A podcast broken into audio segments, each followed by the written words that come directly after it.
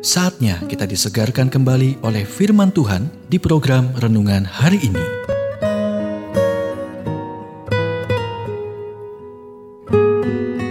Renungan hari ini berjudul Mengakui Kedaulatan Tuhan. Nats Alkitab dari Roma 12 ayat 1, Kemurahan Allah. Paulus menulis, Demi kemurahan Allah, aku menasihatkan kamu, supaya kamu mempersembahkan tubuhmu sebagai persembahan yang hidup, sehingga kamu dapat membedakan manakah kehendak Allah, apa yang baik, yang berkenan kepada Allah, dan yang sempurna. Ada dua cara untuk memahami kedaulatan Tuhan, yakni melalui inisiatifnya dan melalui tanggapan kita. Intinya, Paulus menasihatkan Anda untuk menahan tekanan dari sistem dunia yang menarik ke arah yang salah.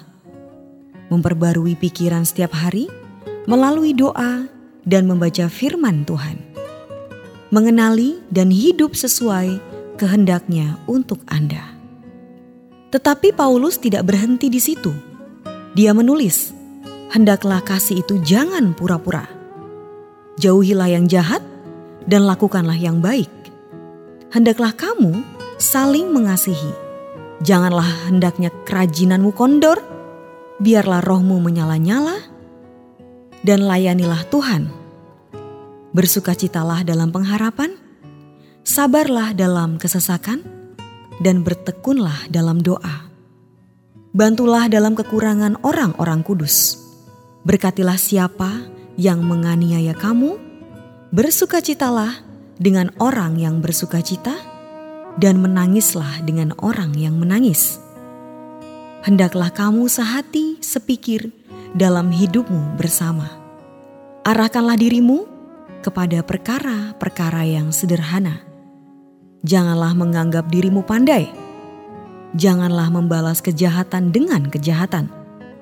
Lakukanlah apa yang baik bagi semua orang. Sedapat-dapatnya, kalau hal itu bergantung padamu, hiduplah dalam perdamaian dengan semua orang.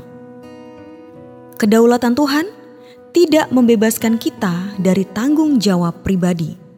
Juga bukan berarti kita harus kehilangan minat saat ini atau dalam membuat keputusan yang tepat. Tuhan mengharapkan kita berjuang untuk unggul dan peduli terhadap dunia yang hilang. Mengakui kedaulatan Tuhan membebaskan Anda dari hanya bermain dan memungkinkan Anda untuk menikmati berjalan bersamanya.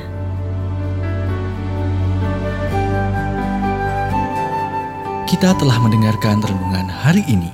Kiranya renungan hari ini terus mengarahkan kita mendekat kepada Sang Juru Selamat, serta menjadikan kita bertumbuh dan berakar di dalam Kristus. Renungan hari ini tersedia dalam bentuk buku maupun digital dan bisa Anda miliki dengan menghubungi Japri di WhatsApp 0812 8784 7210 atau email ke infoapripusat@gmail.com. Tuhan memberkati.